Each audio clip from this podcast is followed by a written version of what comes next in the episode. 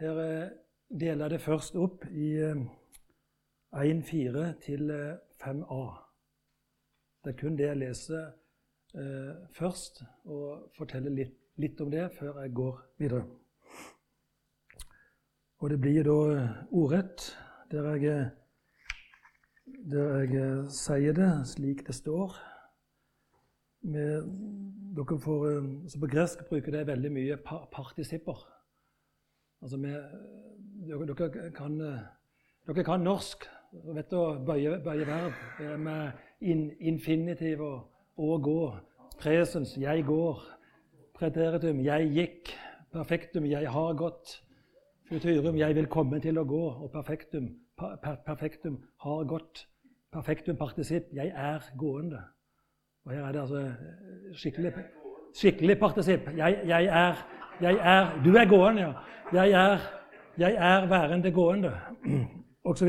Det, har det har med en eh, gresk måte å uttrykke seg på som eh, viser kontinuitet. Så når Gud bruker de, så betyr det at han forlater ikke sin po po posisjon. Han er det han er. Det er han alltid. Så når det står på norsk at han elsker oss, eller han har elsket oss, så står det ikke det på gresk. Det står at han er værende aktiv elskende oss. Det er en kontinuerlig prosess. Det er 24-7. Han forlater aldri sin posisjon. Det er godt å vite. Det er kjærlighet som han har utøst i våre hjerter, som vi skal da bruke og komme inn i ordet og elske han tilbake igjen. Da får du åpenbaring og, og blir med på dette her. Dette her med at jeg delte inn hjertet i hjertet og sånn, og hadde ulike navn med hjerte, og så sjel, og så sinn, forstand, fornuft, tanke. Eh, det å gå innover som, eh, Det har dere nok ikke hørt før, men eh, det er riktig. Jeg kan vise det her. Jeg har med meg bøker, så jeg kan bekrefte alt det, alt det jeg sier. Alt det dere hører, det må dere prøve på Guds ord. Det er veldig mye feil forkynnelse ute og går i dag. Men lurer dere på noe, og sier, at du sier til meg at det du sa, det var feil. Det er glimrende når, når noen sier det. Det var feil, det du sa nå. Går jeg rett inn her? Så går jeg rett inn her, og så åpner jeg den kassa her. Den! Og så sier jeg 'kom fram her'. Se her, sier jeg. Så skal jeg vise deg, skal få et tall av meg på ordet du skal lese. Så skal du se at alt jeg har sagt, er riktig. Det er akkurat det samme med, med, hånda, og da er det fornuftig. Når, når, jeg sier her at det får ulike navn når det går utover i hånda. Nå antar vi at vi skal til legen, og så sier jeg 'Å, jeg har så vondt i armen'. Aha, Det er alt herifra og ned dit. Da, da har du vondt i armen. Kan du si legen, kan du beskrive det litt nærmere hvor du har vondt? Ja, jeg har vondt i underarmen. Ok. Ja, Men det er jo armen. Det er bare å gå, gå lenger nedover på armen. Jeg har vondt i underarmen. Og så kan du, kan du beskrive det litt nærmere. Ja, jeg har vondt i hånda. Ja, men Det er en del av armen, for det er en del av underarmen. Kan du beskrive det litt nærmere? Ja, jeg har veldig vondt i fingrene mine. I en, en av fingrene. Ja, ja, hvilken finger? Ja, vondt i tommeltotten. Ja, hvor er tommeltotten? Rett her med neglen. Ja, men Da har jeg gjort akkurat det samme. Jeg har gått, har gått ut, utover. Og så OK, Neglen er en del av tommeltotten. Det er en del av de fem fingrene. Det er en del av hånda. Det er en del av underarmen. Det er en del av hele armen. Og Sånn går du innover hjertet, for dette Gud han vil inn i sentrum av ditt hjerte og forandre din tanke, slik at du tenker annerledes og får andre følelser for andre mennesker. Det er det han vil. 1.4. Johannes hilser de syv menighetene, nemlig de i Asia. Nåde være med dere og fred fra Han som er aktiv værende, og fra Han som var, og fra Han som er kommende, og fra de syv åndene framfor tronen hans, og fra Jesus Kristus, det troverdige vitnet, den førstefødte av de døde og høvdingen over alle kongene på jorden. Står det der. Dette er en hilsen fra Johannes til menighetene i Asia. Men vi sier Asia på norsk. Asia, det er, Asia, det er den delen eh, som nå er eh, vest, sør-vest i, i, i Tyr Tyrkia. Og det er de syv menighetene vi skal prate om i kapittel 2 og 3, med Efesos, Smyrna, Pergamon, Tyatira, Sardes, Philadelphia, Laudikea. Noen sier at de ligger på en halvsirkel, men det er feil. De ligger på en hestesko. De ligger ca. 5-6-7 mil ifra hverandre i en slik en hestesko.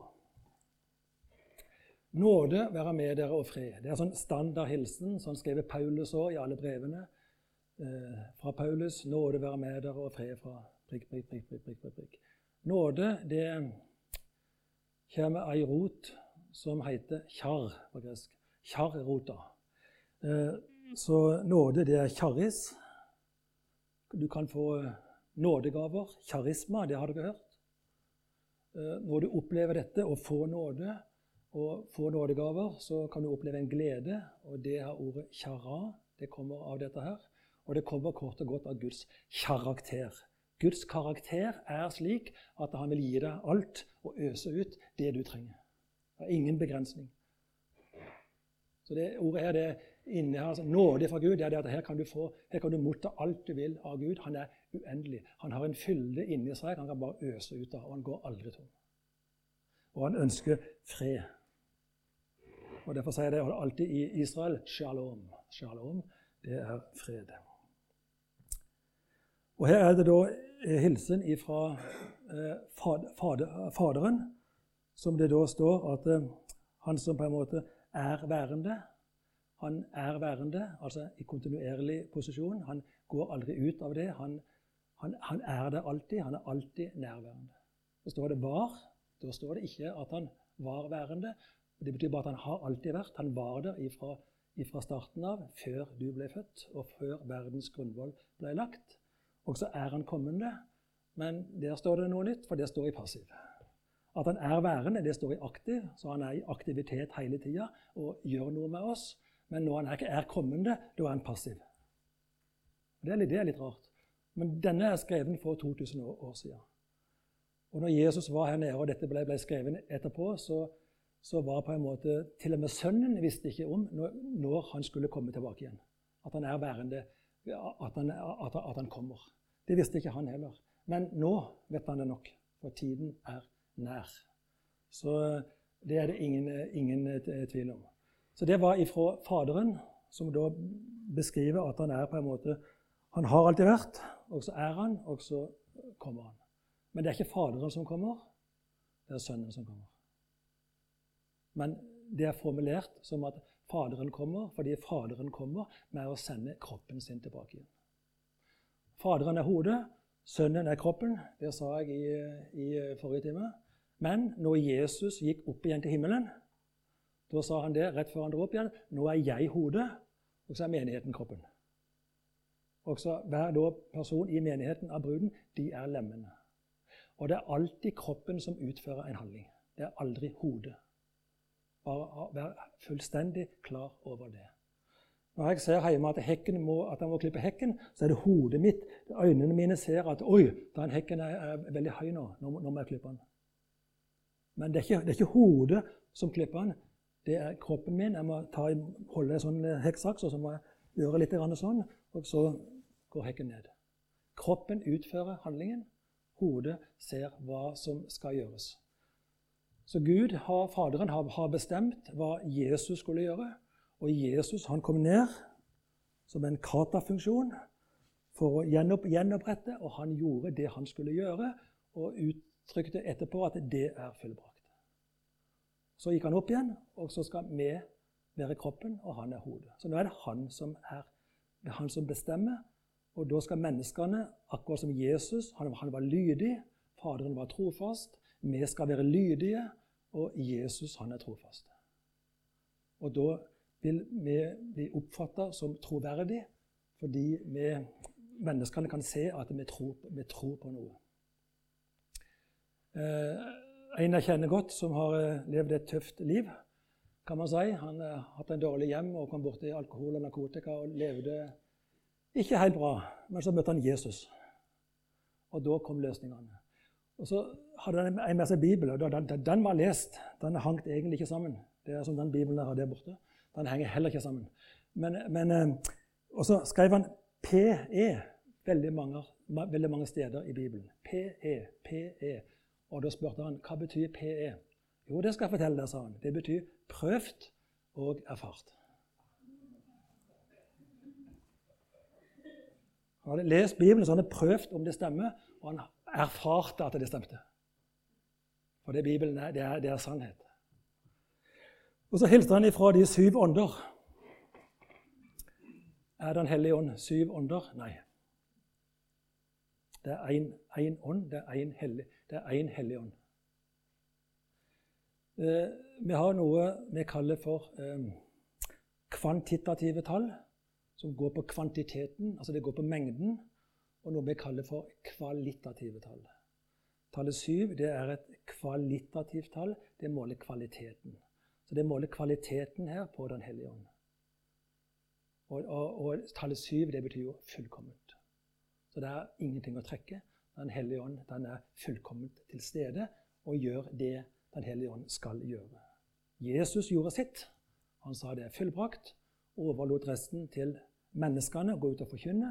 Og overlot resten til Den hellige ånd å åpenbare hva Sønnen har gjort. Den hellige ånd er sendt for å åpenbare Kristus og veilede til hele sannheten.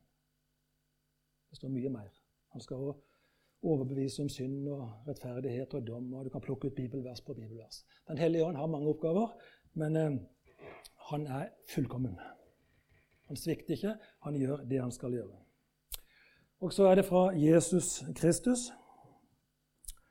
Og da er det først da, eh, tre egenskaper med han. Ja, Det står her også at han var de syv åndene framfor tronen hans. Jeg, jeg, glemte det. Det er mange ord på gresk for, for tro, trone. Det er, eh, det er, ikke noen grunn til å nevne alle, alle, de, men dette er en spesiell trone som er slik at du må gå seks trinn opp. Når du er nede, så må du gå seks trinn opp. Én, to, tre, fire, fem, seks. Hvorfor ikke syv?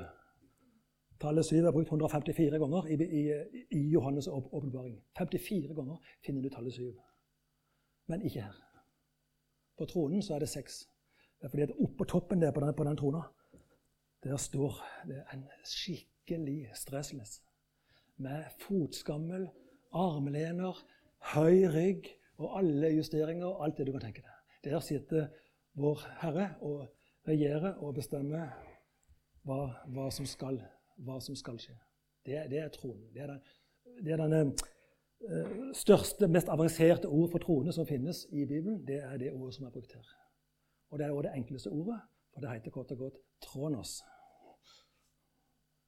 Alle andre ord for troende det er litt verre, så de skal jeg ikke ta. Så vi, vi stopper med det. Fra, fra Jesus Kristus, det troverdige vitnet. Og det har jeg allerede sagt litt i det forholdet at han er troverdig.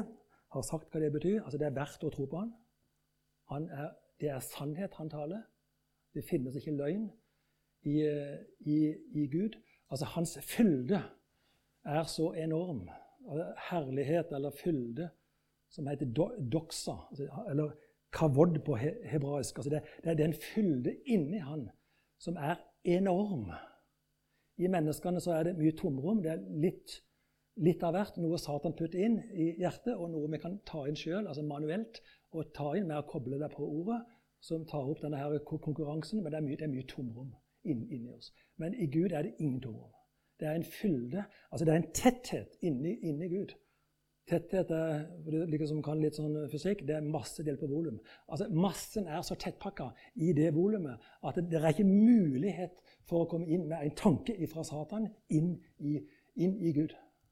Det er, ikke, det er, ikke, en millimeter med tomrom. Han bare kan øse ut av, av sin fylde. Og det er bare sannhet han kommer med, og Satan er bare løgn. Så det er et eh, troverdig vitne. Og så er han førstefødte av de døde. Og det betyr at han forteller her at når vi er døde, så skal vi stå opp igjen til et evig liv. Og han er den førstefødte som sto opp igjen. Så han har dødd det vi kaller da, som jeg sa i, i stad, den annen død, apotnesko, at du dør ut ifra apoplanet. Det trenger vi ikke gjøre. For vi kan komme til himmelen istedenfor til helvete med å, med å, å, å komme til tro på Kristus. Så den døden tok han. Den døden tok han for oss. Han, og han har da stått, stått, opp igjen, og vi skal stå opp med han. Jeg sa i stad at kjærligheten den var utøst i våre hjerter. Det er én ting til som er i våre hjerter, som er lagt inn i våre hjerter, som Bibelen sier, og det er evigheten. Evigheten er i våre hjerter. Så du kan ikke benekte at alle, det er en evighet. Når vi tar vårt siste pust, da skal vi opp eller ned. To, to muligheter. Og den andre død, den tok Jesus på seg. Så den kan vi få del i. Det var mitt liv han levde når han var her nede. Det var ditt liv han levde. Det var min død han døde. Det var vår død han døde. Så han har dødd din død. Han har levd ditt liv, og han har levd et perfekt liv overfor sin far. Det er ingenting å trekke. Og han, eh, han døde på korset og tok alle syndene på seg. Så alle syndene er tatt. Ikke noen unntak gjelder ikke. Bare ordet synd er jo et veldig vanskelig ord som, er, som eh, menneskene blander sammen. Jeg vet ikke hva det er for noe. Nå tar ikke jeg det opp så mye. Men hovedordet for synd, det er det Jesus sier, at synd er at dere ikke tror på meg. Det er hovedordet for synd. Ikke de syndene du gjør, men det at dere ikke tror på meg. Det er synd. Det sier Jesus sjøl. Synd er at dere ikke tror på meg. Og Det er det han da løser oss ut av, den, den posisjonen vi har pga. syndefallet til Adam og Eva. Så er du synd. Vi sier ofte at vi er syndere. Det er ikke helt korrekt. Ordet, ordet 'synder' som substantiv det finnes ikke på, på gresk. Det finnes ordet synd. Vi er synd, står det. Den satt. Hva ble Jesus gjort til når han døde? Ble han gjort til en synder? Nei. Han ble gjort til synd. Fordi vi er synd. Det var det han ble gjort til. Hadde vi vært syndere, hadde de brukt ordet 'synder' på gresk, så hadde han blitt gjort til en synder. Men fordi vi er synd, så ble han gjort til synd.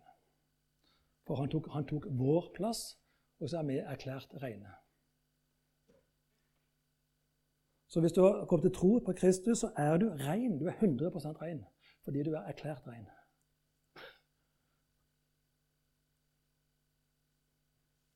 Det er helt utrolig, egentlig.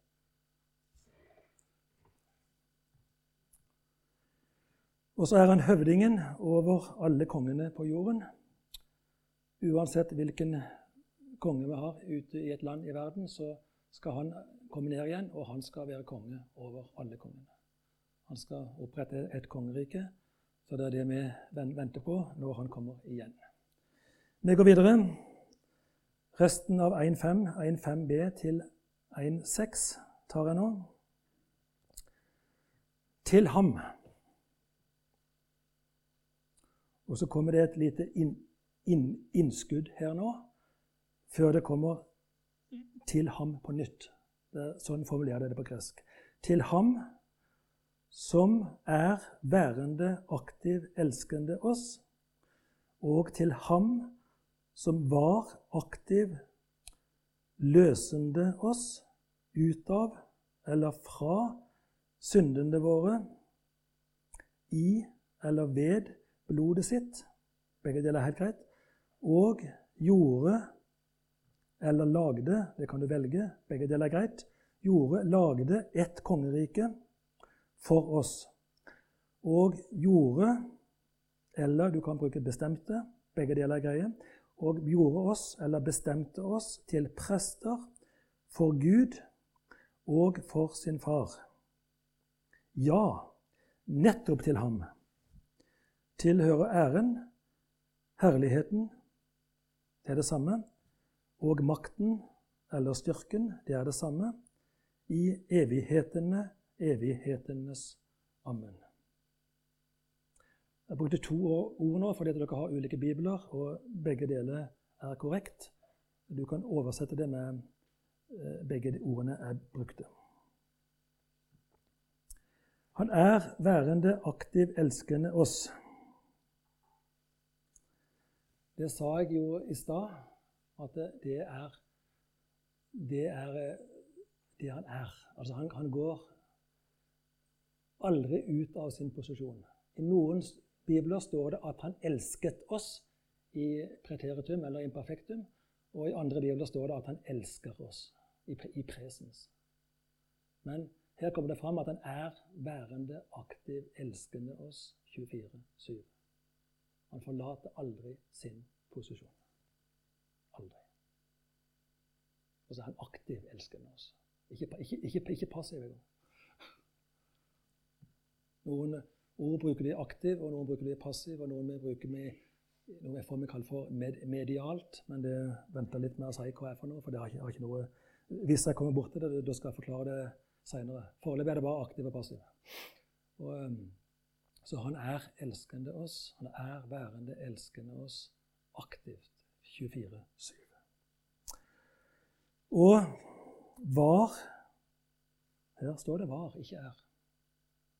Han var aktiv, løsende eller vaskende, kan bruke begge deler, ut av eller fra syndene våre, i ved blodet sitt. Han var aktiv løsende oss. Han var aktiv vaskende oss. I noen bibler her inne så står det 'renset'. Jeg er helt sikker på det. At det, at det står at han har renset oss. Dere trenger ikke rekke opp hånda, men jeg er sikker på at det, at det står i enkelte bibler. Og, hæ? Løst oss, ja. Det er, det er, det rette. Eller at han har vasket, vasket, oss. Men i noen bibler står det at han har renset oss. Og, og det er feil. For det er ikke noe han har. Her står det at han var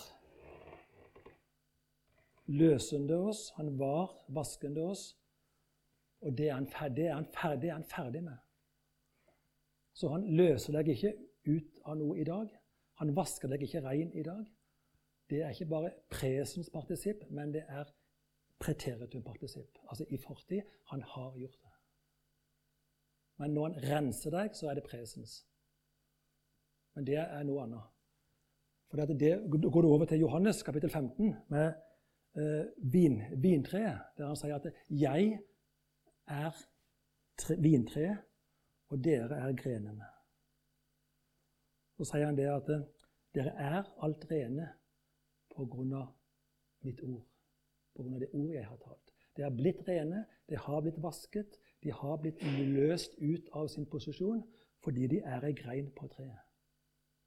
Hvis de ikke var rene, hvis de ikke var løst ut av posisjonen og tatt imot Jesus som sin frelser, så hadde det ikke vært ei grein på treet. Og Så står det videre etterpå Hver gren som bærer frukt, renser han for at den skal bære mer frukt. Der kommer ordet 'rense' inn. Da må du først være løst ut av din posisjon, at du er synd, og bli vaska rein, og bli ei grein på treet. Altså bli i Kristus. Kristus skal være i oss, er ordet. Ordet skal komme inn i oss når du går inn i Ordet eller inn i Kristus. Da henger du sammen. Det punktet der, der greina henger sammen på, på treet. Du får ikke den posisjonen uten å være rein, uten å være løst ut av din, din posisjon og bli vaska. Så det er han ferdig med. Han var løsende oss, han var vaskende oss. Han gjør det ikke mer. Det gjelder bare nå å ta imot det. Han har løst alle. Han har frelst alle. Han har vaska alle. Men du er ikke vaska før du sier ja til Jesus. Da er du erklært ren og vaska. Men Satan han putter inn nye tanker. Diabolos putter nye tanker gjennom kroppen, under huden, inn i sinnet, som tar opp kampen med det du manuelt søker sjøl i Bibelen, og søker uh, ordet for å, få, for å, få, det inn i ditt hjerte. Det blir en kamp, for han putter inn bakterier og virus som du må da bruke Guds ord til, som en eh, penicillinkur, og, og drepe det Satan putter inn. Og må du hente det ut av ditt apotek og ta, ta knekken på den tanken til Satan. Og du får hjelp av Jesus for når du er i ordet, for han sier det at 'hver gren i meg som bærer frukt', den renser jeg. Han gjør det automatisk. Før sto det der at eh, hvis noen synder, så har vi en talsmann. Så ble det forandra etter hvert at når noen synder Og nå har de endelig på norsk fått det korrekt. Og det er det at i syndeøyeblikket har vi en talsmann. Med en gang du synder, så har vi en talsmann. Og han, han renser deg med en gang den kommer der, for at du skal være ren hele, hele tida. Så han, han, går til angrep. Det ordet å rense, det heter kateiro. Kateiro. Og airo betyr å bære bort, og katt det har med katar å gjøre. Det er betennelser, det er virus, bakterier ifra Satan. Alle de bakteriene, den, den katarren ifra Satan, den tar han bort momentant. Så han erklærer deg ren 100% når du er i Kristus.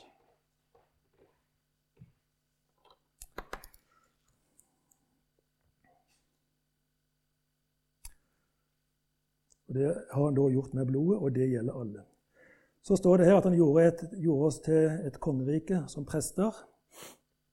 Eh, be, bestemte oss. Det er eh, I noen bibler står det at han gjorde oss til eh, til konger og prester. Sikker på at det kan en bibel her at det står. Men det, det, er ikke riktig. Han gjorde oss til ett kongerike, og han gjorde oss til prester. Og Så står det i mange bibler at han gjorde oss til prester for Gud sin far. Det er heller ikke helt riktig. Det står noe annet på gresk. For inni der på gresk så står det en åg. Han gjorde oss for prester. Han gjorde oss til prester for Gud, så står det 'og' på gresk. Og sin far. Så han gjorde oss ikke til prester for Gud sin far, men han gjorde oss til prester for Gud, andre ord seg selv som Gud, og i tillegg for sin far.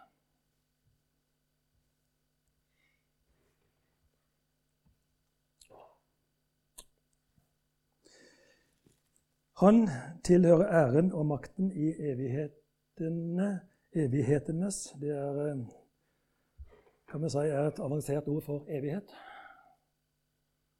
Det er så avansert at du, du ser for deg altså evighet, og så er det på en måte en evighet i hver evig, evighet. Altså Det åpner for at du på en måte, når du er ferdig med en evighet, så hopper du over i en ny evighet med kanskje noe annet han har å tilby. Jeg vet ikke. Jeg kan ikke, ikke, ikke, ikke svare deg på det, men det er brukt. Evighetene, evighetenes. Så det, så det åpner for at det er flere evigheter i én evighet. Og, og han eh, tilhører da æren og makten. Dette er en lovprisning til Herren. Lovprisning det er på en måte å kjøre på tilbake igjen og vise han eh, ære, og at han forteller at du har all ære, du skal ha all ære, du skal ha all makt. Og, og I det verset her så er han tofoldig. Tofoldig betyr at det er bare to ord som beskriver Jesus. Han skal ha ære, og han skal ha makt.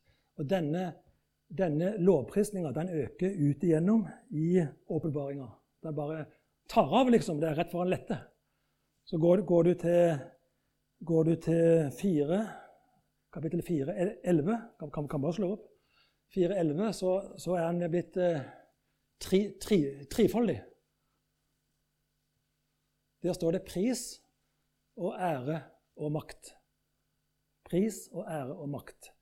I noen bibler står det takk og ære og makt. Eh, det er ikke helt riktig med takk, for det er ikke det som står på gresk. Men jeg, jeg forstår hvorfor de skriver det. For det kommer an på hva du legger vekt på. For det at det, å gi pris tilbake igjen, altså be, be, eh, prise Gud tilbake igjen, det opplever Gud som takk. Det, det du gjør, du gir Gud pris du gir han ære, og du ser at han har all makt, og så priser du Gud. Og det opplever Gud som takk tilbake. Derfor står det i noen, i noen bibler 'takk'. Men det, det, er ikke det ordet som er brukt. Går du til 5.13 mm, Hvis dere gidder å slå opp, så skal dere se. Så blir han firfoldig. Der kommer ordet 'takk' inn. Der er det takk og pris og ære og makt. Noen bibler bruker da velsignelse der. Men altså det, ikke bry dere om det. Det er nye ord. Jeg vet, jeg vet hva som står, men, og at de bruker, de oversetter det på ulike måter. Men nå har han blitt firfoldig i 5.13. Så går du til 7.12, så har han blitt syvfoldig. Da er det takk og pris og ære og makt og velde og visdom og alt i hop. Men, men de, bruker, de, bruker, forskjellige ord, så derfor er det vondt for meg å si at det står akkurat det og det, fordi det er oversatt for, forskjellig. Eh, det betyr lite, men det det betyr, det er det at eh, æren tilbake igjen til Gud, lovprisningen tilbake igjen, den eskalerer. Den øker utover når åpenbaringa kommer inn etter hvert. Det blir mer og mer glad i Kristus, hva han har gjort for oss. Nå gikk jeg litt utenfor kapittel 1 og 2 og 3, men eh, nå var det tok 4, 11, 5, 13 og 7, 12. Det kan være jeg gjør det av og til, men eh, vi får se. 1-7. Eh, har, har, du spørsmål, eller? Nei, bare sånn. 1-7. Se, han kommer med skyene. Det er jo altså helt Det er jo altså Jeg bare rister på hodet. Altså Hvis jeg har vært på Kvadrat og handla, så, så, kommer jeg hjem med en bærepose. Her er det som han, han kommer med skyen. Han, han, altså på norsk står det som at han, har skyen i, i, i, lomma. Jeg kommer med skyene. Jeg har jeg har det nedi her.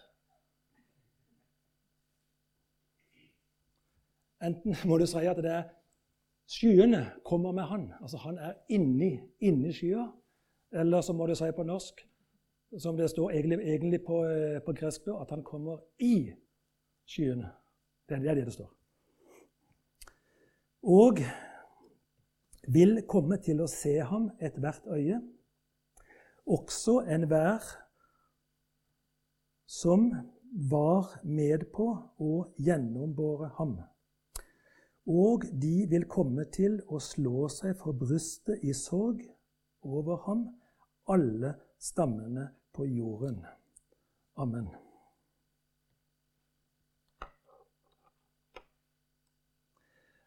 Det er ikke så mye mer å si om det, at folket vil forstå etter hvert at han var frelseren, og at de ikke har sett det, og at de vil gråte bittert og kjenne sorg inni sitt hjerte.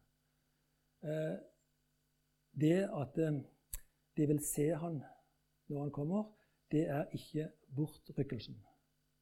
Og Når menigheten blir rykka bort, da skjer det i et nu, og så er det vekke. Men dette er nå, nå, nå han kommer igjen etterpå at det har vært bryllup i himmelen, og kommer tilbake. La det være klinkende klart. Ellers så tror jeg ikke jeg har så mye mer å si om det verset der. Det er egentlig greit. 1,8. Eh, Jeg er alfaen og omegaen. Det Altså Han sier det i, i, i eh, be, bestemt form for å markere at det er ingen andre. Det er ingen andre alfa. Det er ingen andre omega. Han er alfaen, og han er omegaen. Altså i bestemt form. Det trenger ikke lete etter noen andre. Det er kun han. På norsk står det i tillegg opphav og ende. Sikker, sikker på at du har en bibel der? Det er det står. At han, han er alfa og omega, alfaen og omegaen, og så er han opphavet og enden. Stemmer, stemmer det at dere har det i noen av biblene? Jeg har sett det i noen av biblene at det står. Det står ikke, det står ikke på gresk. Og Sånn gjør de som oversetter Bibelen. De føler at det passer inn uten at det står der. Og så skriver de det inn, for det kunne ha stått der. Fordi det står mange andre steder i Bibelen at han er opphavet og enden. Men det står ikke her. Spørsmål? Ja? Ja, ja, jeg er. Den jeg er. Ja, ja. Helt riktig. Perfekt. Det er henvist jeg etter. Det er det. Jeg er. Det er det. Um, han, han, har jo stadig sånn 'Jeg er um, alfa og omega. Jeg er opphavet og enden. Jeg er den første og den siste.' Um, um, altså det bruker på gresk at han her er ar arché og archetos. Vi har jo ordet ark arkeologi, ikke sant? En arkeolog han graver etter for å finne ut hvordan det begynte. Fordi Jesus han er ar arché. Han er ifra, ifra, begynnelsen av. Så har vi noe vi kaller for en asjetolog. Han eh, graver i Johannes' åpenbaring for å finne ut hvordan det ender. Altså hvordan det ender på, på slutten. As, asjetos, det betyr eh, det ytterste eh, yttergang. Tar du fly til, til, til skal vi se, Portugal på portugisisk og går ut av fly, flyplassen der, så står det 'Eshita'. står Det Det står 'exit', og så står det 'Eshita'. Og Det er da altså es, es, det ytterste. Her er utgangen. Nå kommer du ut til uh, Algarvekysten. Eshita. Eshita er et vakkert ord. Jeg liker å, være sånn litt as, asjetolog. Jeg graver litt i, i, i åpenbaringen for å finne ut hvordan, hvordan det ender. Det det er gøy.